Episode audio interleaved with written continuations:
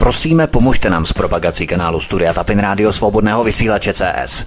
Pokud se vám tento nebo jiné pořady na tomto kanále líbí, klikněte na vaší obrazovce na tlačítko s nápisem Sdílet a vyberte sociální síť, na kterou pořad sdílíte. Jde o pouhých pár desítek sekund vašeho času. Děkujeme. Příjemný, krásný, dobrý večer, dámy a pánové, od mikrofonu svobodného vysílače a nebo na kanále Odyssey vás zdraví Vítek. Já vás vítám při poslechu dnešního pořadu Humanity na rozcestí. Já jsem rád, že jste si mě pustili i dnes a budu se snažit, abych vás zaujal až do konce našeho dnešního vyprávění mého dnešního pořadu. Dnes v době agendy covidismu se lidstvo nachází na rozcestí, v bodě přechodu mezi dvěma různými stavy řízení a existence. Dnešní svět je jako pytel, který se pomalu plní, zatímco provaz kolem otvoru toho pytle je stále pevněji utažený, aby se zabránilo úniku obsahu toho pytle ven. Stíny naší pravděpodobné budoucnosti jsou vidět všude kolem nás a i ti nejbystřejší pozorovatelé mají tendenci nevnímat předvěsti jako varování, která jsou více než jasná, že nastanou, ale považují všechny tyto dílky jedné skládačky za nesouvisející události. V dnešní eseji se podívám na to, kam náš svět směřuje, jak tam směřuje a proč tam směřuje. Když jsem totiž za posledních několik měsíců zpracovával všechny mé pořady, které jsem natáčel, narážel jsem na jisté leitmotivy, které všechno protkávaly. Střípky v podobě výroků a citací osob třeba, o kterých stále hovořím, ale které se mě do těch pořadů jednoduše nehodily. A tak jsem si je schoval na příště, jsem si říkal, a udělal jsem velmi dobře. Za tu dobu se mě totiž různé výroky složily a schromáždily dohromady do určité návazné mozaiky, která dává dohromady jakousi nadstavbu nebo zastřešení všeho, co jsem v uplynulých měsících natočil a o čem si dnes budeme povídat. Budu proto rád, když mě i vy zanecháte pod pořadem na kanále Odyssey vaše případné dojmy, názory, postřehy, které z dnešního pořadu nabudete. Protože si musíme udělat takový inventář, takovou filozofickou nadstavbu a zastřešení, která vtiskne určitý tmel propojující všechny pořady, které jsem natočil na různá témata. Mám to všechno tak nějak naházené na stole a potřebuji si udělat čistý stůl, abych se mohl vypravit k dalšímu pátrání a proto je dobré právě se, se všemi těmito věcmi vypořádat do určitého dílce.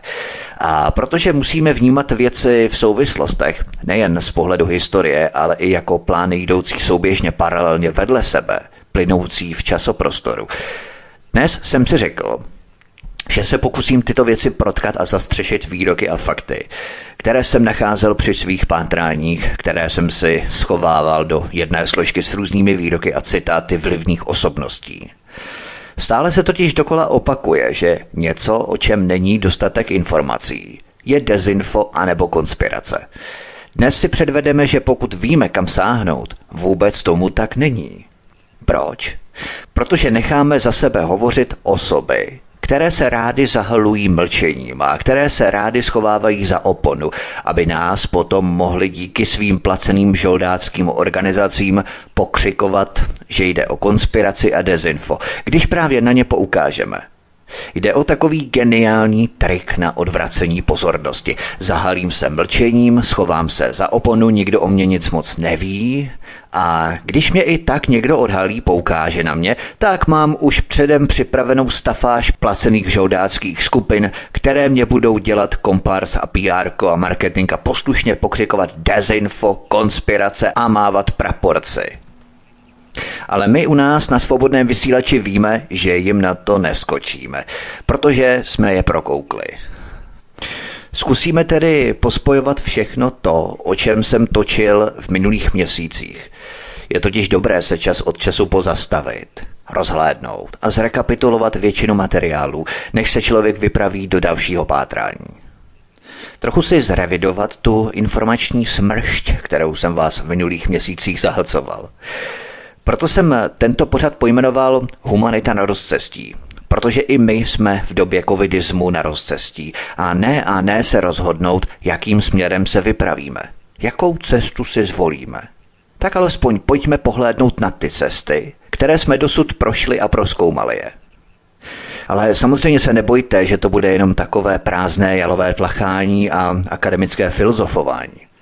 Jistě víte, že nejsem vůbec fanda podobných tlachacích řečnění, dokonce si občas myslím, že tím někteří rétoři maskují informační nouzy, kdy prostě potřebují vzbudit dojem moudré, posvátné, vznešené akademické pózy, autority, ale ve skutečnosti tím jenom zakrývají vlastní absenci informací.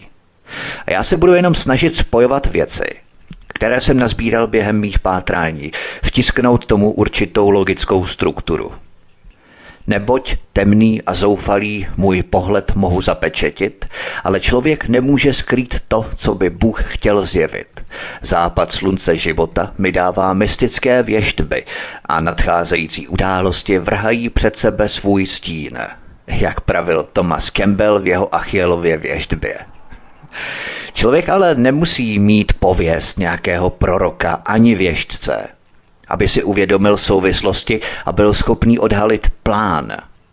Zcela jiná věc je přesvědčit o jejich pravdivosti vás, běžné posluchače. Ani tak ne posluchače svobodného vysílače, letité, skalné příznivce svobodného vysílače, protože my už jsme prodělali určitý myšlenkový přerod. Ale hlavně ty z vás, kteří mě třeba posloucháte poprvé na doporučení nějakého vašeho známého nebo kamaráda.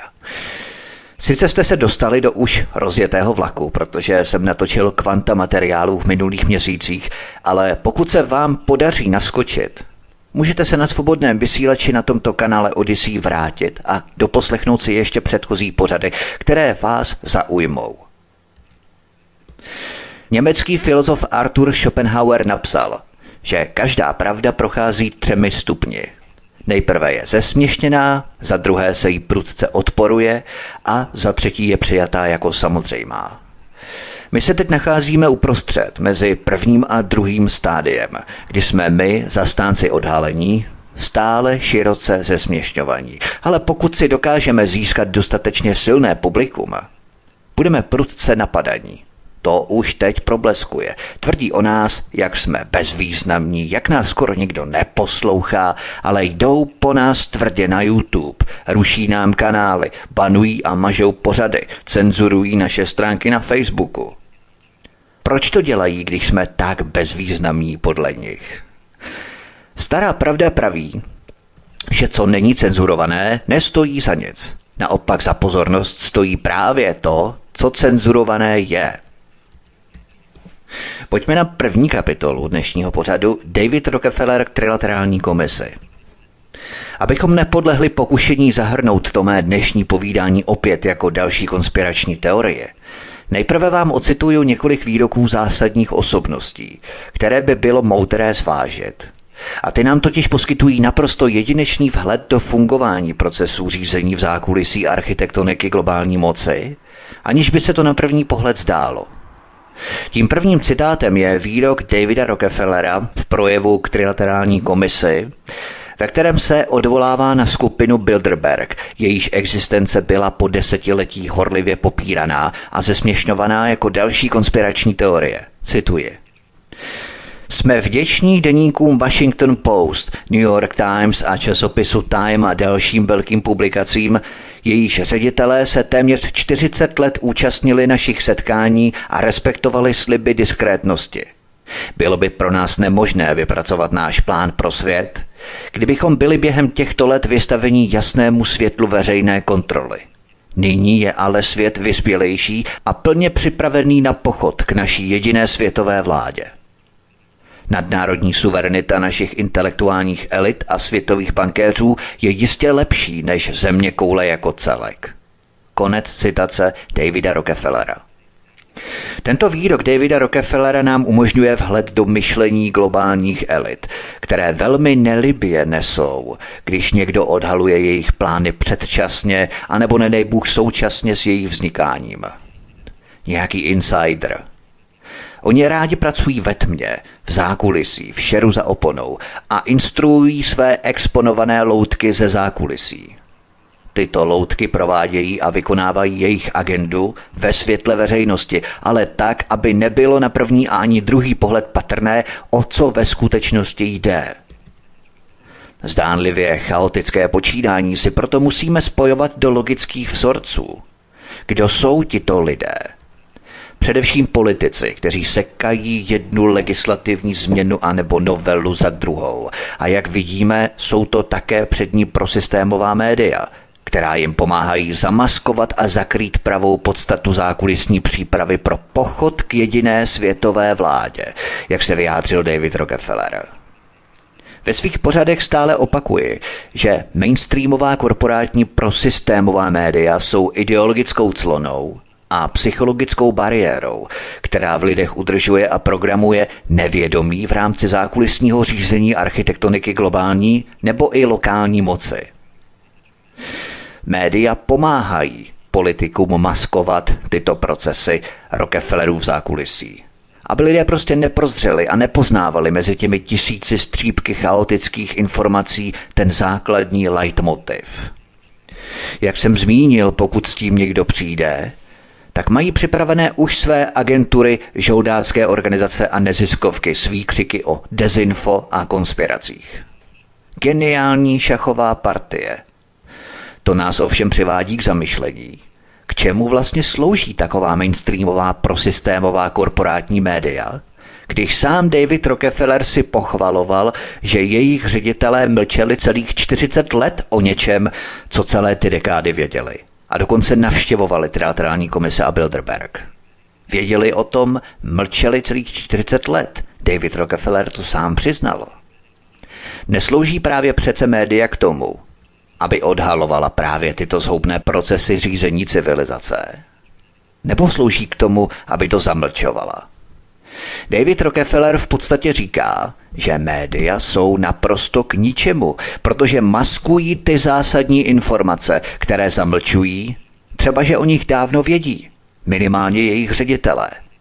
Vlastně David Rockefeller potvrzuje to, o čem hovořím stále, že média slouží primárně k zamaskování těchto zákulisních procesů, odvádění pozornosti, tlachání o nesmyslech a fragmentaci logických návazností.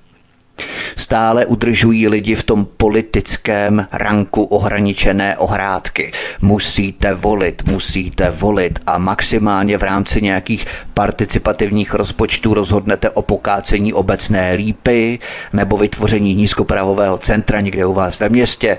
A to je ta celá demokracie o něčem vyšším, o něčem jiném, třeba o našem setrvání v Evropské unii anebo v NATO, rozhodnout nemůžete. Oni vám neřeknou, že politika jako taková nemá vlastně smysl, protože hlavními nástroji řízení nejsou politici a jejich tlachání a dohody. Hlavními nástroji globálního řízení jsou nerostná bohatství, ropa, plyn, drahé kovy a tak dále. O to tady jde. Probíhají privatizační snahy globálních elit obrovských vodonosných jezer a rezervoárů, jako třeba rodina Bushů v Jižní Americe, anebo choutky ředitele Nestlé, který nevnímá vodu jako dar, ale jako obchodní komoditu a artikl v soukromém vlastnictví. Probíhá monopolizace geneticky modifikovaných semen v rámci globálního potravinového řetězce průmyslovým agrobiznesem právě korporací jako DuPont patřící Rockefellerům, Monsanto a nebo Syngenta. Řešil jsem to v biologických zbraních ve druhém díle. Tato média vám nezdělí, že státy a jejich vlády jsou držené na řetězu mezinárodních půjček, jako pes u boudy – a proto musí poslouchat ty, kteří tu kasu ten bank drží. Můžou si tlachat o čem chtějí, ale prachy jsou prachy. Mezinárodní měnový fond a Světová banka. Splácení úroků do nekonečná.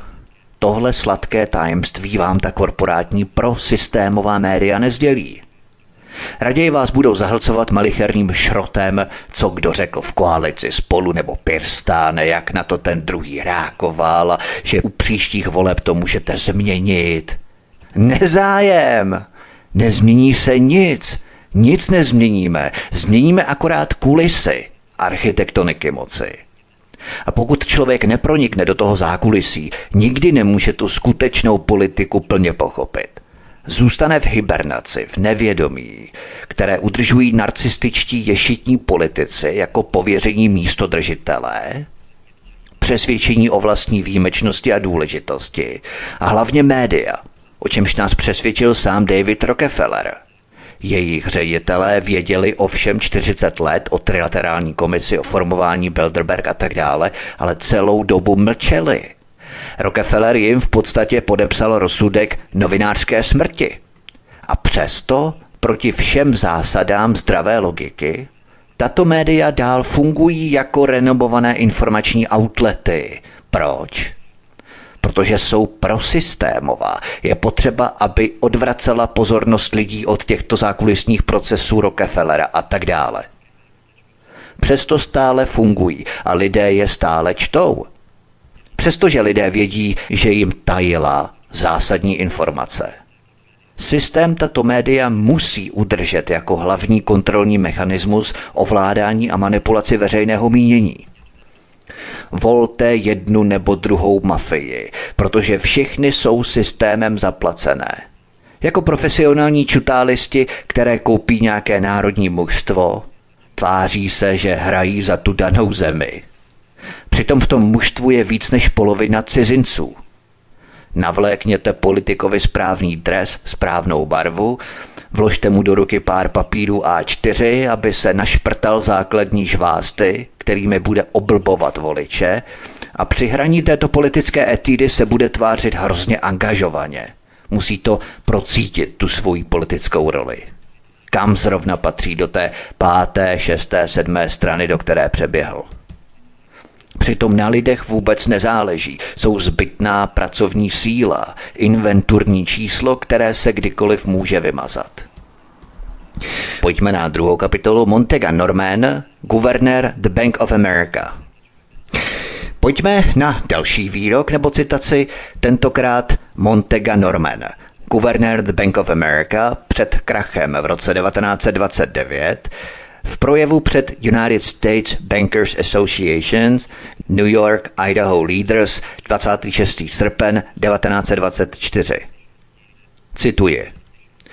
Když prostí lidé prostřednictvím soudního procesu přijdou o své domovy, stanou se poslušnějšími a snadněji se jim bude vládnout prostřednictvím silné ruky vlády, uplatňované centrální mocí bohatství pod vedením předních finančníků.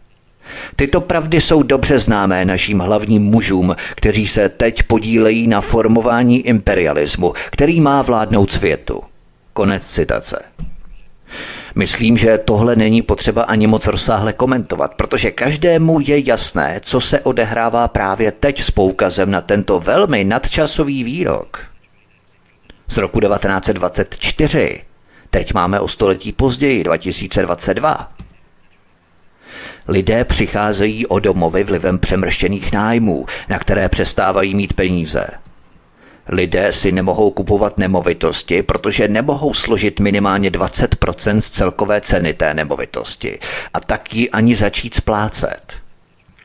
A pokud přeci jenom splácet začnou po dobu 20 let, tak tu dobu musí být poslušný a držet ústa a krok, protože by se jim mohlo třeba stát, že je vyhodí z práce, třeba za 19 let. Mají rok do splacení hypotéky na nemovitost a banka jim tu nemovitost vezme, přestože jim zbýval jediný rok. A tak jsou lidé ve stále konstantním stresu. Celých 20 let, jestli náhodou někdy třeba o tu práci nepřijdou. Vypůjčené životy, zadlužené životy, předplacená budoucnost a diskontní životní styl – život na půjčkách. Nikdy nic pořádně nevlastníme, protože to teprve splácíme. V reklamách v televizi nám říkají, že si můžeme koupit všechno, jako v těch amerických hollywoodských filmech. Od kuchyňského robota na půjčku, přes auto na leasing nebo nemovitost na hypotéku. Žijeme svůj život na dluh, na půjčky. Musíme proto sekat latinu a být totálně poslušní, jinak přijdeme třeba o práci a o tu iluzi vlastního komfortu rázem přijdeme také. Musíme fungovat jako dobře promazaná kolečka v soukolí mašinérie jiných koleček a obřích kol toho systému.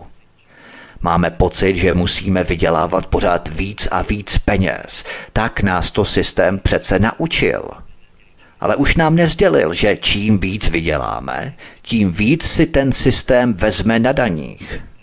Ten systém nás tedy nabádá, abychom vydělávali stále více. Ale ne pro náš vlastní blahobyt, luxus a komfort, ale jenom proto, aby si sám ten systém mohl ukrást ještě více na daních. Čím více vyděláme, tím více si systém vezme. My vlastně pracujeme ne pro sebe, ale primárně pro ten systém. To je to kouzlo vydělávání peněz. Samozřejmě globální elity a VIP kluby mají daně téměř nulové, protože mají daňové poradce, kteří jim ty daně správně optimalizují v připravených daňových rájích globálního systému. Aby nemuseli platit téměř nic. A proto se musí dojít stále více lidé, běžní lidé, kterým to jednoduše systém strhne z platu. Takže vlastní nemovitost znamená větší nezávislost. Lidé splácející nemovitost musí poslušně vykonávat pokyny systému, aby tu nemovitost mohli splatit docela, aby si udrželi tu životní iluzi, že jim něco patří. To je přesně ten mentální žalář, to mentální myšlenkové vězení. Proč lidé ve volbách v říjnu minulý rok zvolili covidový teror? Jsou lapení ve vězení půjček. I když tak zcela nerozumím tomu, jak by jim anonymní volba antikovidových stran mohla uškodit. Ale to už je psychologická nadstavba uvažování takových lidí, kteří nikdy nepřekročí svůj vlastní stín. Takže prostí lidé díky soudům, exekucím přicházejí o své vlastní domovy. A vládám se tak lépe vládne, podle Montagi Normana, bývalého generálního ředitele The Bank of America.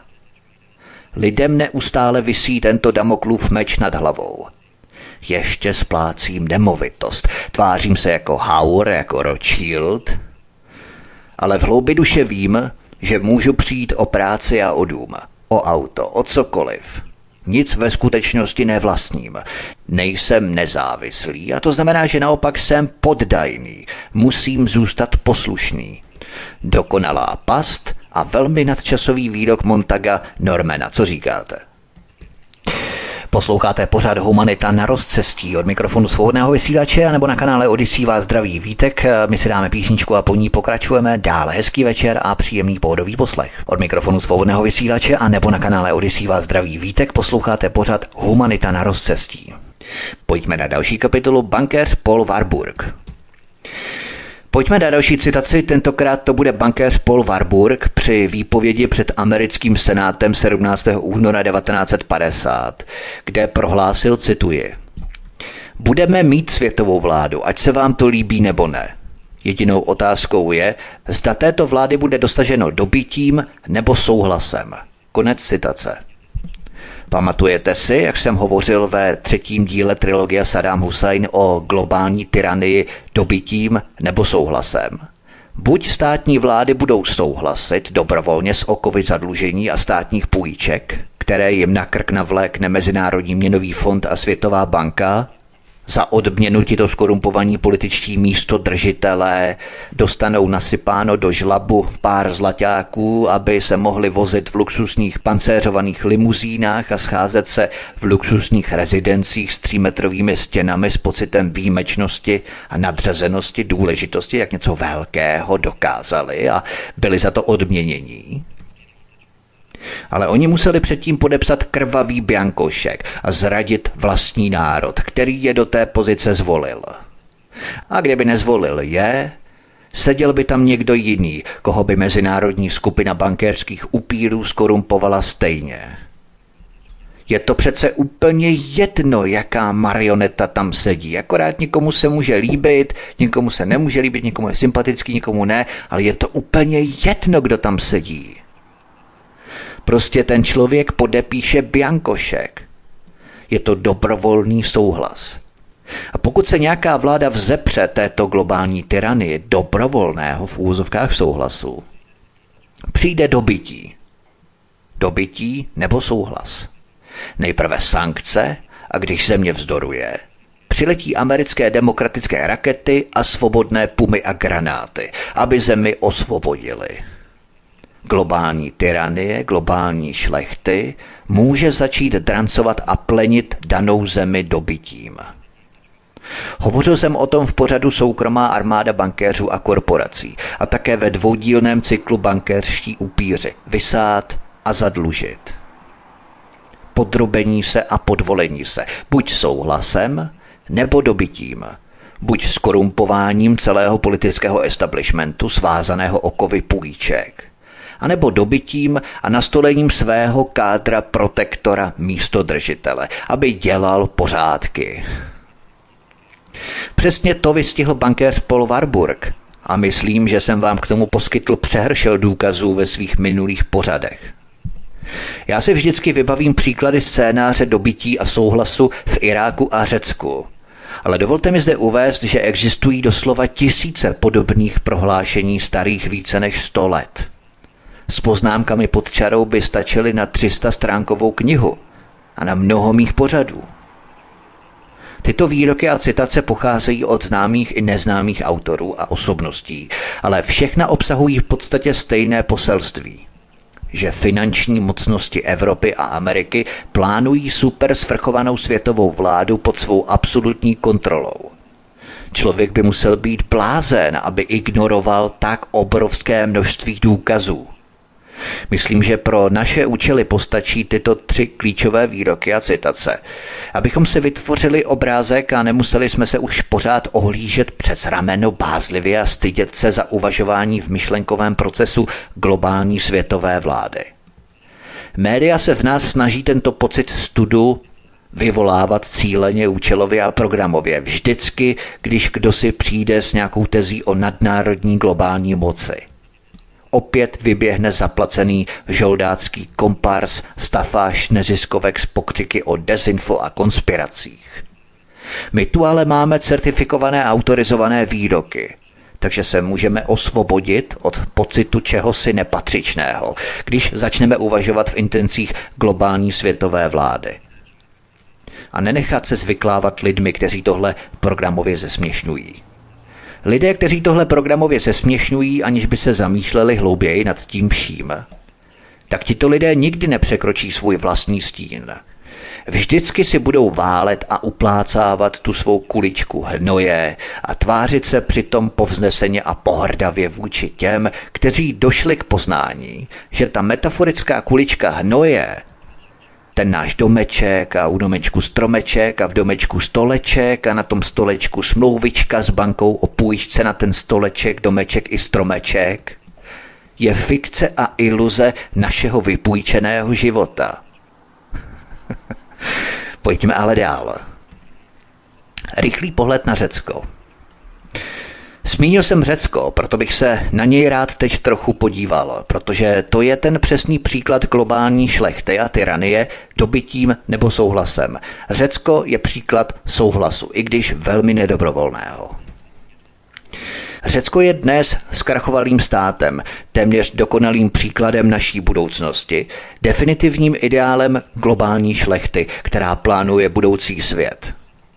Představitelé Řecka, které přivedly nesplatitelné půjčky k bankrotu, zahodili jedinou šanci svého národa na přežití jako suverénního státu a místo toho zcela kapitulovali a přijali drakonická opatření. Jejich cílem bylo trvale ožebračit obyvatelstvo a zároveň jedním rázem zprivatizovat celý řecký národ.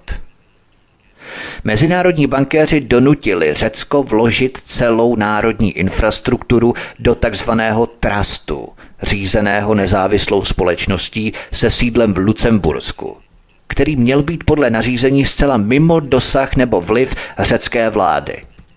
Bankéři a jejich přátelé teď celou zemi získali do vlastnictví za ceny, které si sami stanovili – a nemusím snad ani zdůrazňovat, že ty ceny řeckého národního průmyslu byly za zbytkovou tržní hodnotu.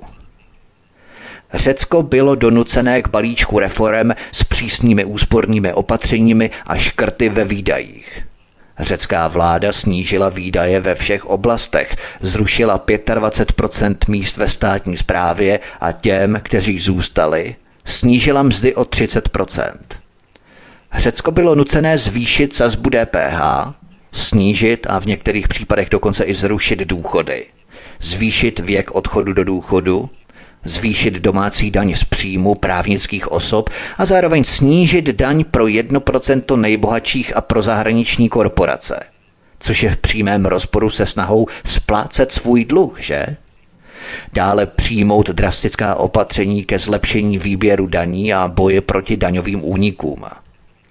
Řecká ekonomika se samozřejmě okamžitě zhroutila a ztratila zhruba čtvrtinu svého objemu – Nezaměstnanost vzrostla nad 25% a nezaměstnanost mladých lidí dokonce nad 50%, což způsobilo, že většina rodin se ocitla ve značném finančním stresu.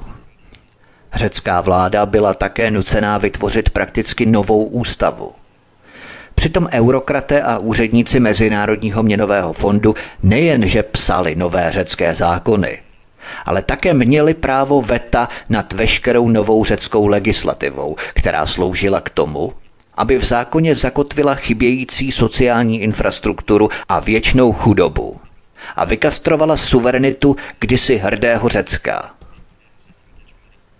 Aby bylo zajištěné dodržování směrnic o úsporných opatřeních, bylo Řecko donucené zdát se kontroly nad střežením všech hlavních částí své ekonomiky – Eurokraté a úředníci Mezinárodního měnového fondu nejenže napsali nové řecké zákony, ale úředníci Evropské unie, tedy bankovního sektoru, byli dosazení na všechna řecká ministerstva s pravomocí zajišťovat jejich dodržování a kontrolovat finanční prostředky. Řekové teď Evropany hořce nenávidí a domnívají se, že moc těchto zahraničních věřitelů hrabat se ve všech vládních rezortech na řecké půdě je urážkou řecké suverenity. Bodeď by ne. To je urážkou jakékoliv suverenity. Přitom Řecko teď ve skutečnosti a reálně čelí nejen úsporným opatřením, ale i vnějšímu řízení, Někdejší řecký ministr financí Anis Varoufakis raději rezignoval na svou funkci, než aby se podílel na destrukci své země a obvinil bankéře a Evropskou centrální banku z nasazení tzv. dušení likvidity která má srazit zemi na kolena a řekl, že náklady, které byly po Řecku požadované, jsou tak trestné, že je téměř nemožné je splnit. Dále uvedl, že cituji, Nejponíženější a nejnesnesitelnější volbou je dohoda, která naší zemi vydá, vyrabuje a podrobí si náš lid. Evropská centrální banka odřízla naší zemi od veškeré likvidity a věřitelé ji jednoduše zničili. Konec citace. Řecká ekonomika se stala téměř paralizovanou a celé hospodářství přešlo na hotovost. Místní platební systém se zhroutil, protože nikdo nechtěl přijímat převody na bankovní účty, které mohly být kdykoliv zabavené. Řecko prakticky přestalo existovat jako suverénní stát. A existuje mnoho dalších podobných, včetně Kypru, Haiti, Somálska, Iráku, Libie, Balkánu, Panamy, Nikaraguy a tak dál. To není žádná novinka. Ocituju Williama Blama, Právě pod vlivem Reaganovy administrativy začal Mezinárodní měnový fond a Světová banka široce prosazovat balíček politik známý jako strukturální přizpůsobení, zahrnující deregulaci, privatizaci, důraz na vývoz, škrty v sociálních výdajích, který uvrhl jednu zemi rozvojového světa za druhou do hospodářské bídy. Tehdejší šéf Mezinárodního měnového fondu byl upřímný ohledně toho, co mělo přijít, když v roce 1981 pronesl, že cituji, pro země s nízkými příjmy je toto strukturální přizpůsobení obzvláště nákladné z lidského hlediska. Konec citace. To znamená, že to postihne nejvíce běžné obyvatele. On to přesně takto řekl. V případě Řecka, stejně jako ve všech podobných případech poté, co imperialismus převezme kontrolu, je národ obklopený spravodajskou dekou, přes kterou uniká jen velmi málo skutečných pravdivých zpráv, informací, pokud vůbec nějaké. Přitom všechny spravodajské kanály anebo média se ochotně podřizují, anebo se vyděšeně podřizují, čímž se země vytrácí z povědomí světové veřejnosti informační deka. Řecko prožralo svůj majetek, lidé byli příliš vypasení a proto teď za to platí. Maximálně jsme se dozvěděli o Řecku. Měli vysoké důchody. Pojďme se podívat na další kapitolu Měnová reforma ve Spojených státech amerických. Přitom řekové si až příliš dobře pamatovali na předchozí události na Kypru, kde stejní bankéři zabavili 50 až 90% všech bankovních účtů významné velikosti, včetně penzijních fondů a k radosti mnohých také všech účtů Rusů na Kypru. Mnozí kypřané se kvůli soukromé centrální bance dočkali zničení svých úspor. Americká vláda udělala vlastně něco podobného svým vlastním občanům v roce 1933, když zabavila veškeré zlaté zásoby Američanů v době největší hospodářské krize – Američané výměnou za zabavené zlato americkou vládou obdrželi dolary, které ale byly zároveň formálně znehodnocené o 40%, čímž byli všichni připraveni o 60% svých držených peněz. Vláda Spojených států v roce 1933 doslova ukradla zlato všem Američanům – Přesněji bychom ale měli tuto epizodu nazývat přímo znárodněním, protože to takzvané očkodnění nestálo vůbec za nic. Jenom v krátkosti. V roce 1933, kdy se Franklin Delano Roosevelt stal americkým prezidentem, měly Spojené státy největší zlaté rezervy ze všech států světa. 8. března 1933 Několik dní po svém nástupu do funkce Roosevelt oznámil, že zlatý standard je bezpečný. O tři dny později ovšem vydal vládní příkaz číslo 6102 zakazující bankám platby zlatem.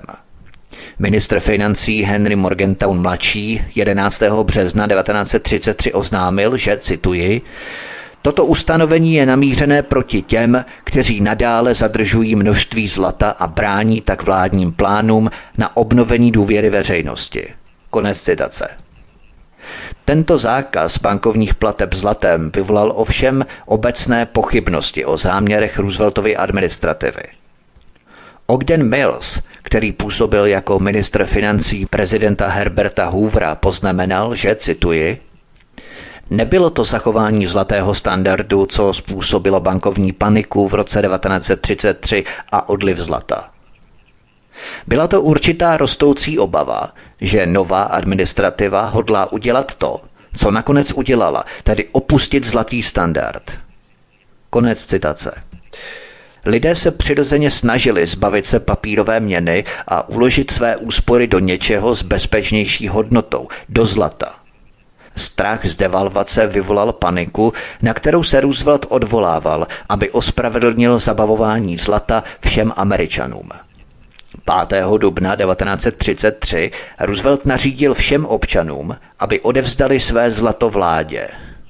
Žádný občan nesměl tehdy vlastnit více než 100 dolarů ve zlatých mincích, s výjimkou vzácných mincí se zvláštní hodnotou pro sběratele.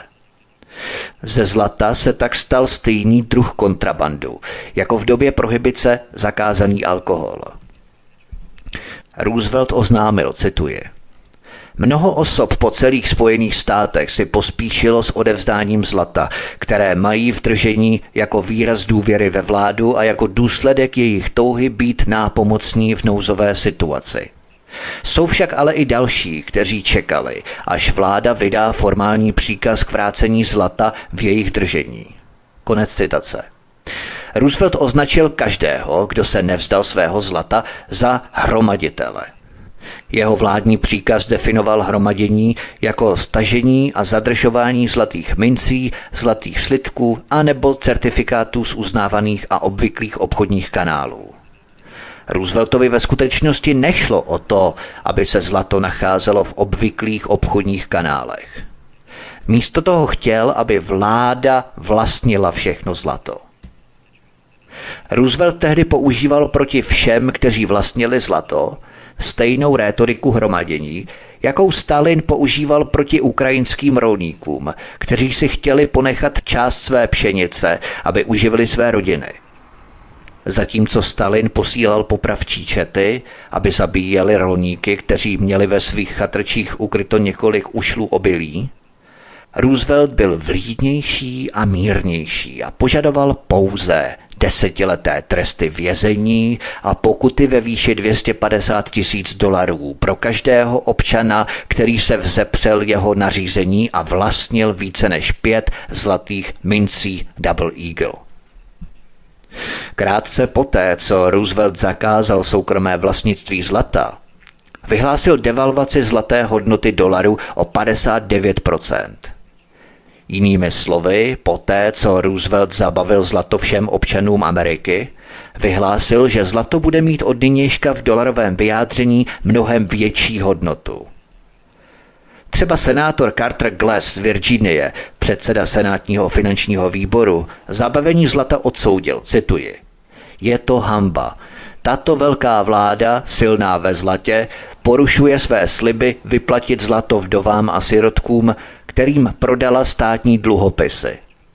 Zjednodušeně řečeno, tehdejší americká vláda Franklina Delano Roosevelta zabavila všechny zlaté slitky a mince prostřednictvím vládního nařízení číslo 6102 a donutila americké občany prodávat za ceny výrazně nižší než tržní. A bezprostředně po té konfiskaci, zabavení nebo znárodnění zlata všem američanům Vláda v rámci zákona o zlatých rezervách z roku 1934 stanovila nový oficiální kurz zlata, který byl mnohem vyšší. Takže americká vláda nejprve zabavila lidem zlato za nízkou cenu a o rok později stanovila už vyšší cenu za uloupené znárodněné zlato američanům. To zlato už ale bylo v držení americké vlády. Podvod jak řemen. Mnozí majitelé zlata byli ze zabavení zlata pochopitelně velmi rozčarovaní. Někteří dokonce proti němu bojovali u soudu. Od roku 1933, kdy Roosevelt zakázal občanům vlastnit zlato a donutil lidi spoléhat se na ničím nepodložené sliby politiků, ztratil dolar přibližně 93% své kupní síly. Zhroucení kupní síly dolarů vážně narušilo schopnost desítek milionů Američanů plánovat vlastní život anebo si spořit na důchod. Vlastnění zlata zůstalo ve Spojených státech nelegální až do 70. let 20. století. Tento zásah ve Spojených státech ale nebyl ojedinělý v novodobé historii. V roce 1959 zavedla australská vláda zákon, který umožňoval zabavení zlata soukromým osobám. Pokud to bylo účelné, z důvodu ochrany měny anebo veřejného kreditu Commonwealthu, tedy Austrálie. A v roce 1966 vláda Velké Británie, aby zastavila pokles Libry, zakázala občanům vlastnit více než čtyři zlaté nebo stříbrné mince a zablokovala soukromý dovoz zlata. Tento zákaz byl zrušený až v roce 1979 a nás tady bude někdo strašit a lakovat tím, jak komunisté provedli měnovou reformu a znehodnotili lidem úspory, když stejní bankéřští upíři provedli stejná finanční svinstva na samotných Američanech v roce 1933 znárodnili, ukradli lidem zlato, hrozili lidem desetiletí vězení a čtvrt milionovými pokutami v dolarech. A lidé tak museli své zlato odevzdat vládě a jejich úspory se znehodnotily o 60% Americká vláda uměle zvýšila cenu zlata potom, co ho lidé odevzdali té samé vládě. Americká vláda tak lidem znehodnotila úspory o 40% Komunisti měli školu. přímo z Ameriky, přímo z meky kapitalismu. Znárodnění konfiskace zlata, to není komunistické? No je to komunistické. Ale stalo se to v mece kapitalismu v kolébce demokracie ve Spojených státech v roce 1933. A nejenom tam, dokonce v Austrálii v roce 1959 a ve Velké Británii v roce 1966. A nás tady bude někdo lakovat s nějakými zlými komunisty. Vždy dělali naprosto to samé svinstvo, jako ti největší kapitalisti na světě. Opět tohle nám naše zlatá objektivní nezávislá korporátní prosystémová média nezdělí. Budou nás pořád strašit a lakovat jednostranou účelovou propagandou o zlých komunistech a jejich zlé měnové reformě. Zatímco o té americké z roku 1933 zarytě mlčí. Stejně jako o té australské nebo britské. Komunisté měli školu od největších kapitalistů na světě. Posloucháte pořád Humanita na rozcestí od mikrofonu svobodného vysílače nebo na kanále Odisí vás zdraví Vítek. My si dáme písničku a po ní pokračujeme. Dále hezký večer a příjemný pohodový poslech. Od mikrofonu svobodného vysílače a nebo na kanále Odisí vás zdraví Vítek posloucháte pořád Humanita na rozcestí. Pojďme se podívat na další kapitolu Pohled na Irák. O Iráku jsem podrobně hovořil v mé trilogii Saddam Hussein, ale Přesto považuji za nutné provést stručnou rekapitulaci toho, co se v globální hantýrce nazývá podvolení se souhlasem anebo dobytím. Irák na rozdíl od Řecka byl typickým příkladem dobytí. Dnes už je dobře známé, že Spojené státy zahájily zničující válku proti Iráku, zločině neoprávněnou a založenou výhradně na lžích o zbraních hromadného ničení, a to proti doporučení vlastní armády. Do roku 2013 americká média informovala o stažení americké armády z Iráku, ale Spojené státy nikdy neměly v úmyslu Irák opustit. Mýtus o stažení byl pouhým PR pokusem vymazat Irák z kolektivního povědomí veřejnosti. Nechat ho prostě zmizet, aby mohli pracovat v tichosti bez kontroly veřejnosti. Jak jsem říkal v úvodu, že oni rádi pracují za oponou v zákulisí a v utajení, ve tmě. Je pravda, že bylo uzavřeno několik stovek malých vojenských základen, ale existuje dalších 40 nebo 50 velmi velkých základen, které byly vybudované jako trvalé a nikdy nebudou zavřené. Třeba velvyslanství Spojených států v čínském Pekingu má překvapivě jen kolem v úzovkách 1200 lidí, ale velvyslanectví Spojených států v iráckém Bagdádu má více než 16 tisíc lidí. Je největší a nejdražší na světě. Rozkládá se na více než 100 akrech. Je větší než Vatikán a jeho vybudování stálo více než 2 miliardy dolarů. Jedná se o samostatné, silně vyzbrojené a opevněné místo v centru Bagdádu. V jehož centru je bývalý Sadámův palác, které obsahuje více než 20 budov obehnaných 20-metrovými zdmi a je zcela soběstačné, pokud jde o elektřinu, vodu a všechny ostatní funkce.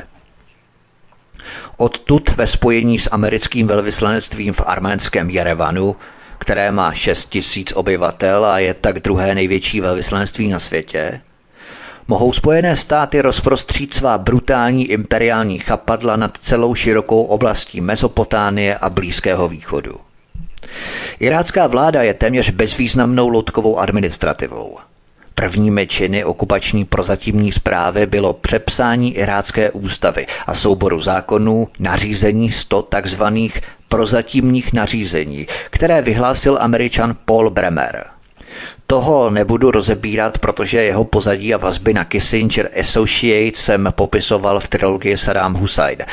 Tak si to prosím poslechněte, pokud se o tom chcete dozvědět víc, ale budu pokračovat dále, řekněme, v této krátké nebo stručnější rekapitulaci v rámci Iráku, protože tato provizorní nařízení Paula Bremera byla zapsaná do iráckého práva ještě před předáním vlády spojenými státy a měla nejvyšší postavení ze všech zákonů v Iráku, takže je nemůže odstranit žádná následující irácká vláda. Jsou prostě nekonečné, jsou věčné.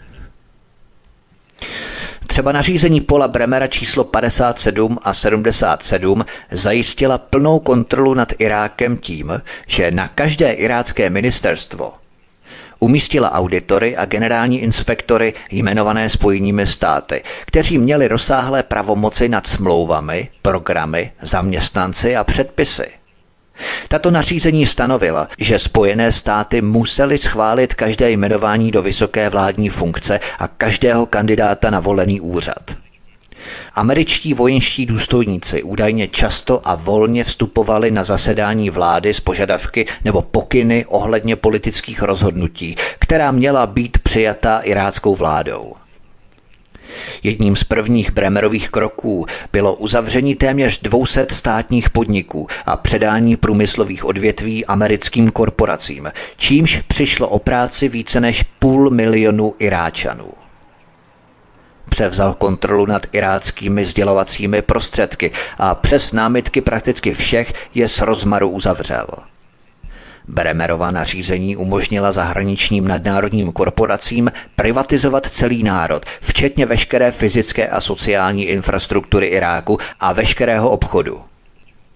Nařízení přidělila zahraničním ropným společnostem výhradní právo na nejméně 65% ropných zásob země Iráku a určují rozdělení příjmů a zisků přidělených Iráku ze zbývajících částí. Bremerovo nařízení číslo 39 třeba umožnilo nezdaněný převod veškerých zisků zahraničních společností. A nebo třeba další Bremerovo nařízení číslo 81 stanovilo, že všichni iráčtí zemědělci musí používat geneticky modifikované osivo společnosti Monsanto pro všechny plodiny pěstované v Iráku. A přitom používání jakéhokoliv původního iráckého osiva je teď zcela zakázané. Bremerovo nařízení číslo 17 zaručilo, že všichni američané a zahraniční dodavatelé v Iráku nebudou podléhat iráckým zákonům. V tomto nařízení se třeba uvádělo, že všechny vycvičené složky iráckých ozbrojených sil budou po celou dobu pod operační kontrolou amerického velitele. Další Bremerovo nařízení číslo 56 vytvořilo novou centrální banku v soukromém, tedy zahraničním vlastnictví. A tak bych mohl pokračovat dál, což je opět zbytečné, protože Irák jsem podrobně rozebíral v mé trilogii Saddam Hussein. Pojďme se podívat na další kapitolu Pohled na Tibet. Protože jsem vám slíbil, že dnešní pořad bude složený z toho, na co jsem narážel během mých pátracích misí Najdi a přelož, respektive najdi a zpracuj, dvě pátrací mise takové, chtěl bych se ještě podívat na aféru kolem Tibetu. To totiž přesně ilustruje a demonstruje maskovací práci západních médií, která postupují nikoli podle objektivních faktů, ale podle ideologického klíče – Opět stále dokola. Korporátní prosystémová média představují ideologickou clonu a psychologickou bariéru v udržování nevědomí občanů, v utváření globální architektoniky moci a řízení. Na Tibetu a glorifikaci Dalajlámy a naopak zatracování Číny je to krásně nádherně patrné. Lidé ze západu jsou vůči Tibetu záměrně a účelově zaslepovaní. Média nám lepí pásku přes oči, abychom v této otázce neprokoukli. Je pozoruhodné, že silácké řeči a svalnaté názory často zastávají ti, kteří v Tibetu nikdy nebyli a jejich znalosti jsou zřejmě získané z pomílené propagandy v populárním tisku. Já jsem samozřejmě v Tibetu také nikdy nebyl, ale proto jednak silácké názory nemám v této otázce a jednak se snažím konfrontovat svůj pohled i z čínských médií ta západní média preventivně označují za propagandistická, aby náhodou nikoho nenapadlo se podívat i na druhou stranu. A západní korporátní média si tak pohodlně udržovala svůj informační a ideologický monopol v této otázce Tibetu. Ponechám zcela na vašem uvážení, jaký z těch dvou pohledů myslíte, že je propagandističtější. Ponechat na uvážení lidí, aby si přečetli obě strany a vytvořili si svůj vlastní názor a úsudek. A nebo jejich chronické přesvědčování, aby přijímali jen jednostranný pohled od těch správných prozápadních médií. A to nemyslím jenom ta média v západních zemích, ale i ta čínská, která jsou financovaná západem. Západní média totiž vnucují naší představě obraz Tibetu jako bájné teokracie, kde reinkarnovaný Bůh vládne míru milovnému lidu, který v pastorální idyle roztáčí modlitební kolečka. Fascinace západu Tibetem s něj udělala mýtické místo, do kterého promítáme své sny a vlastní duchovní fantazie. Výsledkem je to, co můžeme nazvat syndromem Shangri-La, kdy se miliony lidí na západě rozhodli věřit v přitažlivou, ale zcela mytologickou, romantickou fantazii, která nikdy neexistovala. První přídavné jméno, které by vás v souvislosti s Tibetem napadlo, je pustý. Ti, kdo byli na dalekém severu za polárním kruhem nebo v horských výškách nad hranicí stromů v severoamerických skalistých horách anebo třeba v evropských Alpách, mají určitou představu o tibetské krajině, která se nachází nad hranicí stromů. Na izolovaných podmínkách a podnebí v Tibetu není nic pohostinného a málo kdo z nás by tam žil dobrovolně. Tibet je vysokohorská poušť s malým množstvím kyslíku, téměř žádnými srážkami a drsnými teplotami. Přežít tady může jenom malé množství těch nejodolnějších zvířat a na většině území se díky drsnému klimatu nedá nic nebo téměř nic pěstovat. Nikdo v Tibetu nikdy neviděl strom nebo dokonce keř. Domorodí tibetané se neliší od mongolských etnik v Číně. Jsou částečně kočovní, ale náchylní ke vzdělání a společenské struktuře s vybudovanými stabilními komunitami. Je třeba pozoruhodné, že jen velmi málo Tibetanů se přirozeně nebo spontánně zapojí do obchodu. Prostě Tibetané ve směs neměli zájem o obchodování, zatímco všichni Číňané to mají přesně opačně. Jsou rození obchodníci. Přesně to vede obyvatele západu k tomu, že chánské obchody ve Lhase považují za komerční vykořišťování nebo něco podobného. To je možná vedlejší, ale třeba je to jeden z důvodů, proč v Číně nevidíme téměř prakticky žádné pouliční žebráky. Tedy s výjimkou jedné podskupiny Ujgurů v Xinjiangu. I ta nejchudší čínská stařenka si na trhu koupí zelenou cibuli, rozloží ji na prodej na plátno na chodníku a žije si nezávisle. Ne tak Tibetané, kteří prostě neměli zájem obchodovat. Západní tisk eufemisticky označuje tibetskou společenskou strukturu před rokem 1950 za mírný feudální systém, ale nic takového to nebylo. Když tam Mao Tse-tung přišel dělat pořádky, byl Tibet otrokářskou kolonií. Prakticky všichni lidé v Tibetu byli doslova vlastnění dalajskými a jinými lámami – Lidé měli zakázáno vlastnit půdu a celý život pracovali bez nároku na mzdu. Každý z nejvyšších mnichů vlastnil 35 tisíc až 40 tisíc otroků. Úroveň chudoby v Tibetu, samozřejmě mimo kláštery, si lidé ze západu až do 50. let minulého století nedokázali představit. Museli by ji vidět, aby uvěřili. Tibetané si nemohli dovolit látkové oblečení, stále nosili ovčí kůže jako před staletími. Život byl krutý, drsný a skažený. Průměrná délka života v Tibetu byla sotva 30 let. Nejhezčí dívky a chlapci byli zabavovaní do klášterů za účelem sexu – Vzdělání bylo zakázané všem, kromě mnichů, protože vzdělání bylo jednak drahé a jednak vzdělaní rolníci by byli považovaní za nebezpečné pro systém. Samotný Dalaj Lama zakázal jakýkoliv rozvoj průmyslu, protože bohatství obyvatelstva přinášelo nezávislost na náboženství. Náboženství znamenalo závislost. Lámové však posílali své děti do britských škol v Indii a volně převáděli finanční majetek provincie do britských bank. Takzvané tibetské náboženství bylo natolik provázané s vládou, že bylo neoddělitelné a bylo pouze metodou kontroly obyvatelstva s násilnějšími metodami, když náboženství selhalo. Za tímto účelem se rozmohlo mučení. Kdo se chce podívat, na internetu nechybí fotografie mučíren, zejména v paláci Potala a klášteře Gandam s nástroji na drcení prstů a řezání šlach na nohou. Jsou tady pouta mnoha velikostí, včetně těch malých pro děti. Nástroje na odřezávání nosu a uší a jiné nalámání rukou. Oblíbenou metodou Dalajlámy a dalších lámů byla důmyslná metoda vydloubávání očí. Oni si nechali vytesat speciální kamennou čepici se dvěma otvory, která se přitiskla na hlavu a donutila oči vyboulit otvory. V této poloze se oči vydloubly a poté se do důlků nalil vařící olej.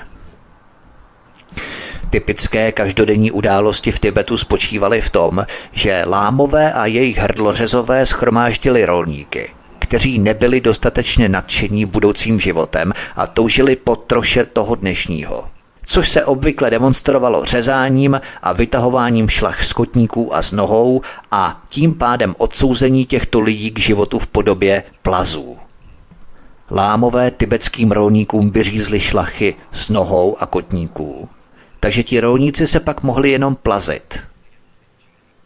Nemohli chodit, oni se prostě logicky nedokázali postavit. Naprosto brutální metody lámu, včetně Dalajlámy. Dalším běžným trestem bylo useknutí rukou v zápěstí. Jedněmi z typických příkladů, o kterých se hojně psalo, byl případ muže, který se postavil proti tomu, když se Láma pokusil zabavit jeho atraktivní ženu k sexu v klášteře. Láma nechal muži položit ruce na plochý kámen a tloukl ho holemi, dokud se nezmenšili na kašovité maso a neoddělili se od zbytku ruky. Pro jistotu to zopakovali i s mužovým bratrem a sestrou. Oba na následky této tibetské meditace zemřeli. Tibet byl popsaný jako nejtemnější otrokářský systém v dějinách lidstva, ještě temnější a zaostalejší než středověká Evropa a v některých ohledech ještě horší než ve Spojených státech, bez jakýchkoliv práv a svobody. Prakticky veškeré obyvatelstvo Tibetu tvořilo soukromý majetek, který se používal, prodával, daroval, sloužil k úhradě dluhů anebo se vyměňoval za jiný majetek. Dalájové a další lámové vládli nejen svému pozemskému životu absolutní mocí, ale pod záminkou odměn a trestů v posmrtném životě – doslova terorizovali lidi, což částečně ospravedlňovalo náboženská privilegia rozmnožování podle libosti. Z toho pramení nedostatek vzdělání a zaměření na náboženství. Za tohle všechno byl zodpovědný Dalaj Lama. Nátlak Spojených států, aby Dalaj Lámovi byla udělená Nobelova cena míru, bylo nemravností rovnající se vzdání takové úcty americkému veliteli Guantanama. V mnoha západních spravodajských článcích se o Dalajlámovi hovoří jako o duchovním vůdci, ale tím nikdy nebyl. Byl spíš bývalým šéfem šokující nelidské a represivní vlády – v populárních západních médiích není o Tibetu publikované doslova nic, co by alespoň vzdáleně připomínalo jeho skutečnou historii. Když si CIA uvědomila, že nebyla schopná Tibet od Číny odtrhnout, Dalaj Lama změnil svůj postoj a místo nezávislosti na Číně prosazoval svobodu pro lidi. Ovšem do této takzvané definice svobody zahrnul i návrat ke starému feudálnímu systému, tedy tomu, o čem jsem teď hovořil. Tibet byl pod čínskou zprávou po mnoho staletí, ačkoliv byl až do 50. let 20. století z velké části spravovaný sám. To je skutečnost, kterou svět už dlouho uznává, ale dnes jí ve snaze znevážit Čínu pohodlně opomíjí. Dokonce i americký Rand McNallyho Atlas z 19. století jasně zobrazuje Tibet jako provincii Číny. Takzvaná invaze Číny do Tibetu v 50. letech 20. století je jedním z nejodpornějších příkladů historického revizionismu a překrucování dějin, který Západ propaguje. O nic takového se vůbec nejednalo. Tibet byl po řadu staletí provincií a integrální součástí Číny. Čína se prostřednictvím Zhou Enlaje deset nebo více let neúspěšně snažila vyjednat s Dalajlámou osvobození tibetského lidu z otroctví. Největší příčinou jeho neúspěchu bylo, že se do všech jednání zapojili američané, jejich CIA cvičila povstalce v Nepálu a podnikala teroristické útoky v Tibetu. A právě tehdy, když Čína konečně zasáhla, aby zastavila krve prolití a útlak v Tibetu, zinscenovala CIA Dalajlámův útok do Indie, který T.D. Elman označil za jeden z největších propagandistických triumfů CIA ve studené válce. Zinscenovaný útěk Dalajlámy do Indie. Západní média byla plná děsivých zpráv o masakrech a znesvěcení neocenitelných náboženských relikví. Čína naopak investovala velké prostředky do ekonomického rozvoje Tibetu, stejně jako do bydlení, infrastruktury, školství a zdravotnictví v Tibetu. Čínská národní vláda třeba v jednom projektu postavila v Tibetu více než 60 tisíc nových domů, které byly Tibetanům rozdané zdarma, aby je zbavila chudoby. Združila je do skutečných komunit a pomohla chránit životní prostředí. Mnoho lidí ze západu to nebude chtít slyšet, ale v Tibetu neexistuje žádný útlak a průměrný Tibetan se nikdy netěšil takové životní úrovně jako dnes. V Tibetu, stejně jako v Xinjiangu, vláda učí místní obyvatele mandarínskou čínštinu. To není, jak vám budou tvrdit západní média nebo neziskovky, genocida jejich kultury tibetský nebo ujgurský jazyk není nahrazovaný. Místo toho se místní obyvatelé učí druhý jazyk, tedy základní jazyk národa, aby se ještě více vymanili z izolace. Je to třeba úplně stejné jako ve Španělsku, kde se katalánci, baskity a další vedle katalánštiny a baskičtiny učí centrální španělštinu, aby se jednotlivé provincie dorozuměly mezi sebou.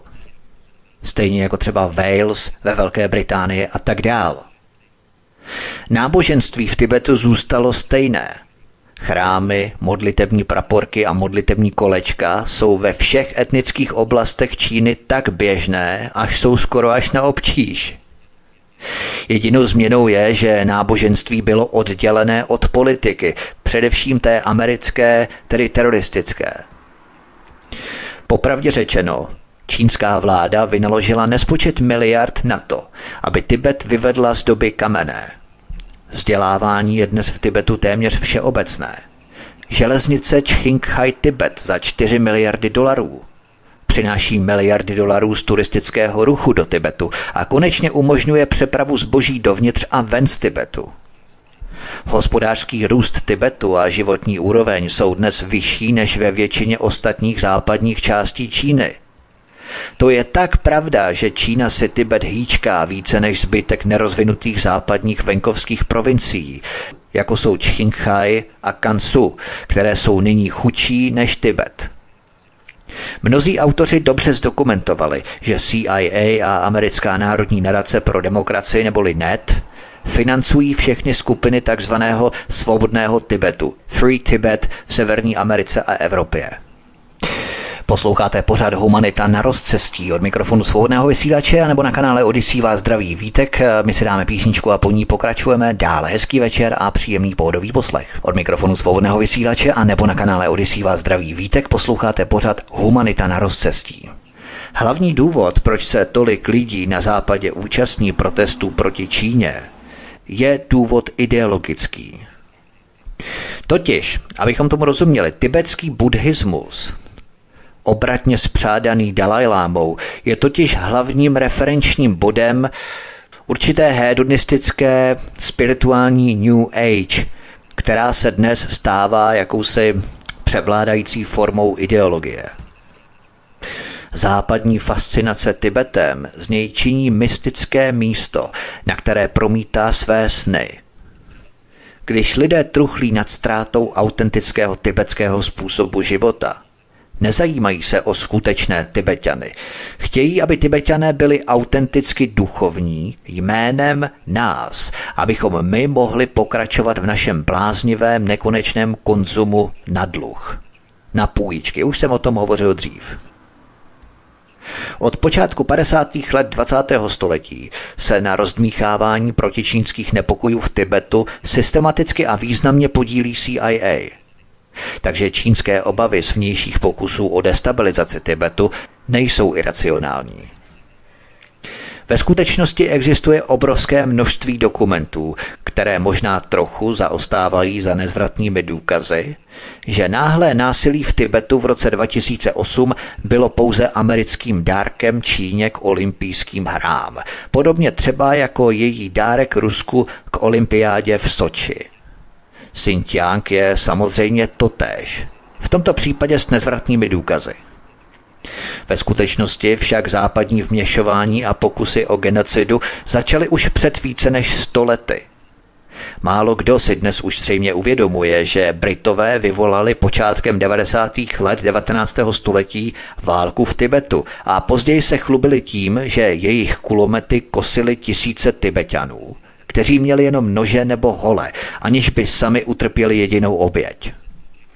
Přesto všichni vznešení poslové a vlajkonoši západní svobody chtějí Tibetany zachránit. V této souvislosti se zamysleme nad tím, jak evropský dobyvatel konkistador zachraňoval domácí nebo řekněme původní obyvatelstvo. Zcela vyhladil starověké civilizace Inků, Májů, Aztéků, stejně jako karibské indiány a 95% původních obyvatel Severní Ameriky.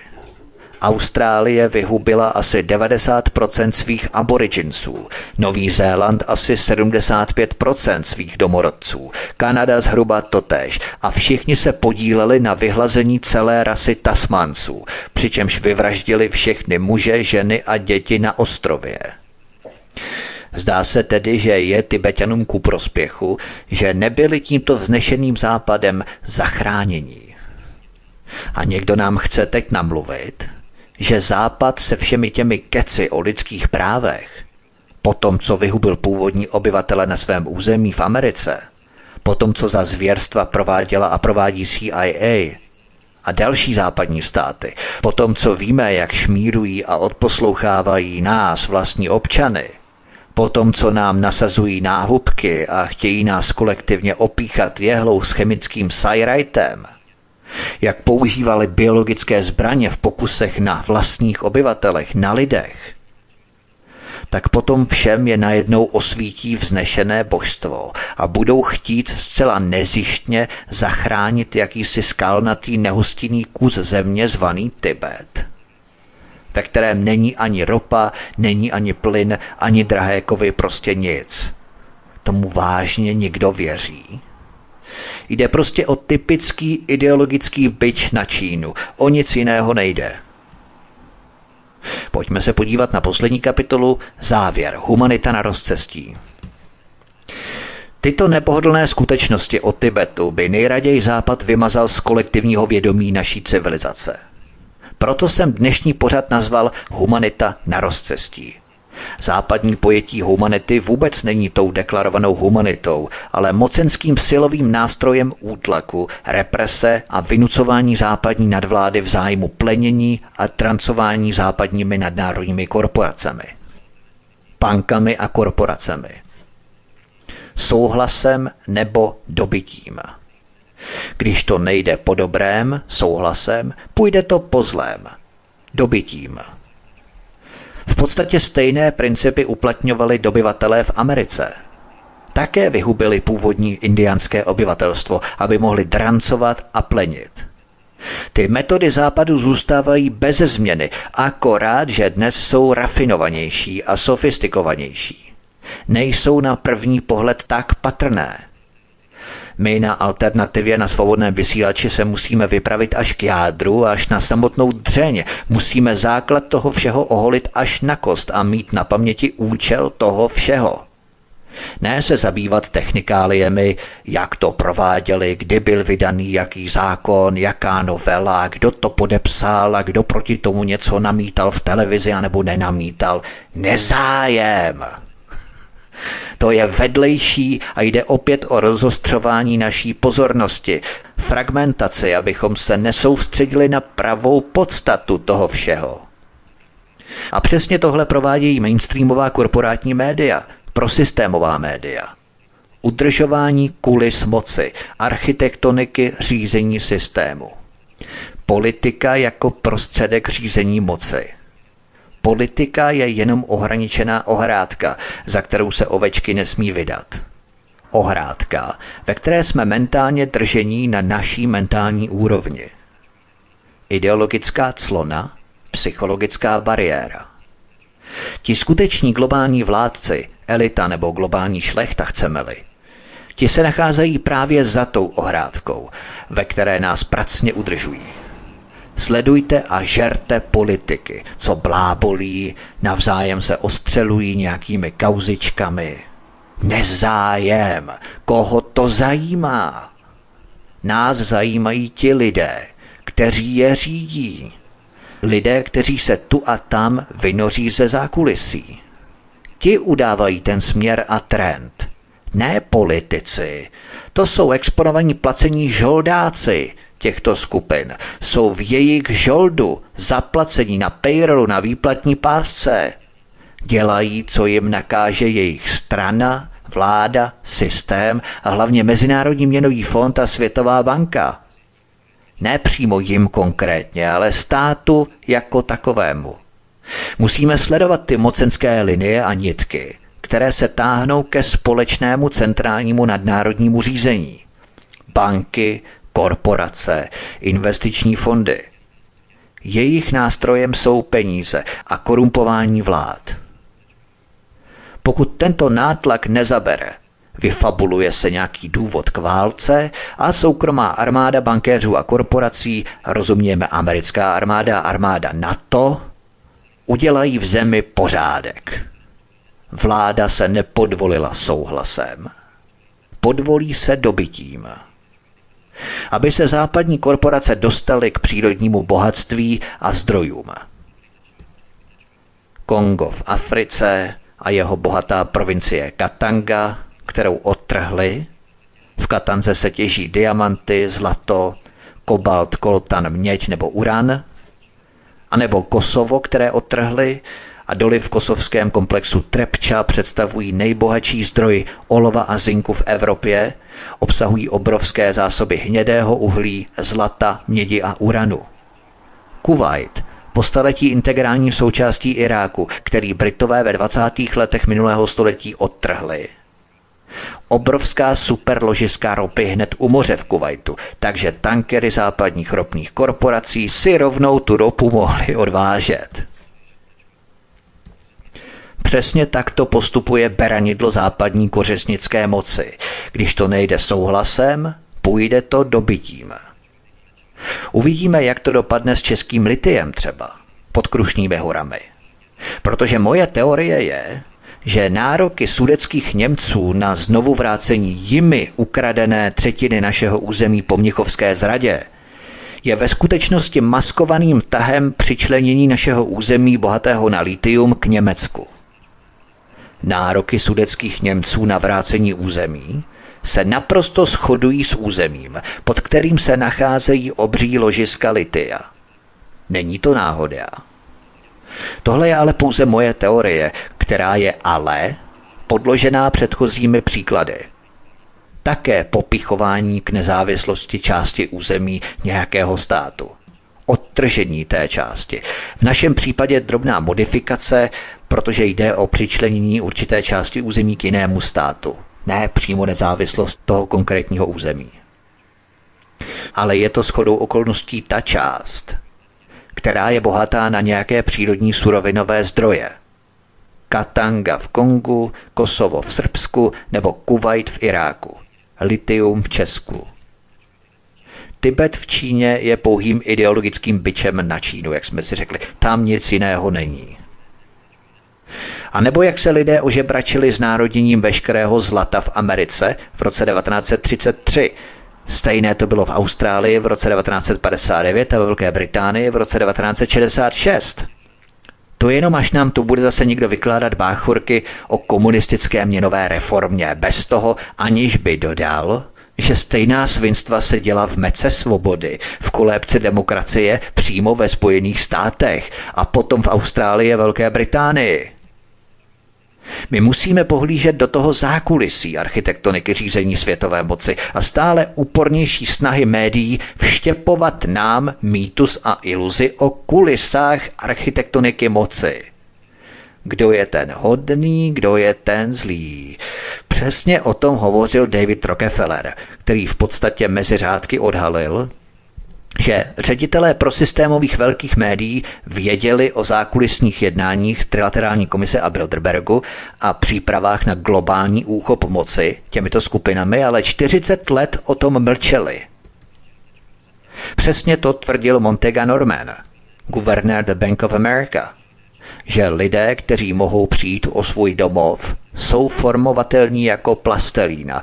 Dá se jim lépe vládnout tvrdou rukou, protože jsou totálně závislí na systému. Budou revoltovat, nebude se jim něco líbit, šup, přijdou o práci a nebudou splácet půjčky, šup, přijdou o barák, o auto, rodina se rozpadne a tak dál. Ekonomický byč systému, který lidi drží pod krkem. Přesně to prohlásil bankéř Paul Warburg, že budeme mít světovou vládu, ať se nám to líbí nebo ne, buď souhlasem, anebo dobytím. To jsme si třeba ukázali na obraze Řecka, souhlasem, byť nedobrovolným, anebo Iráku, dobytím. Stejně jako jsme si ukázali diametrální odlišnou realitu, na tibetském projekčním plátně. Jak vylhaná prosystémová korporátní média předkládají falešnou verzi reality, než která skutečně probíhá anebo proběhla. A jak se internet čistí od takovýchto nepohodlných skutečností. Třeba když Otmar von Schurer, nadřízený doktora Josefa Mengeleho, za druhé světové války i před ní, byl po druhé světové válce rehabilitovaný a stal se veleváženým profesorem přednášejícím na západoněmeckých prestižních univerzitách. Řešil jsem to v mé trilogii Utajení démoni nacismu. A nebo jak japonský lékař Shiro Ishii, který prováděl bestiální pokusy na lidech s jeho vyvisekcí, tedy pitváním lidí zaživa, kteří během toho křičeli v hrozné agónii a prováděl chirurgické zákroky na obětech a zajatcích, také zaživa do nich řezal, rozřezával jim těla zaživa, tak tento japonský doktor Shiro Ishii nejen, že nebyl pověšený za bestiální válečné zločiny před tribunálem v Tokiu, po druhé světové válce, ale také se z něj stal velevážený doktor, který přednášel na americkém středisku pro biologické zbraně Fort Detrick v Marylandu a dokonce přednášel na Marylandské univerzitě několik desetiletí po druhé světové válce. Tohle jsem zase pro změnu řešil v mém dvoudílném cyklu biologické zbraně. Teď nedávno. To je ta rizí, autentická, pravdivá historie – ne ta učesaná v učebnicích dějepisu, anebo ta, kterou nám přečvíkávají a filtrují pro systémová korporátní média. Mějme tohle všechno prosím na paměti, až budeme zvažovat naší humanitu na rozcestí. Až sami budeme při konzumaci jakékoliv informaci stát pomyslně na tom rozcestí a rozhodovat se, co je vlastně pravda a čemu máme věřit.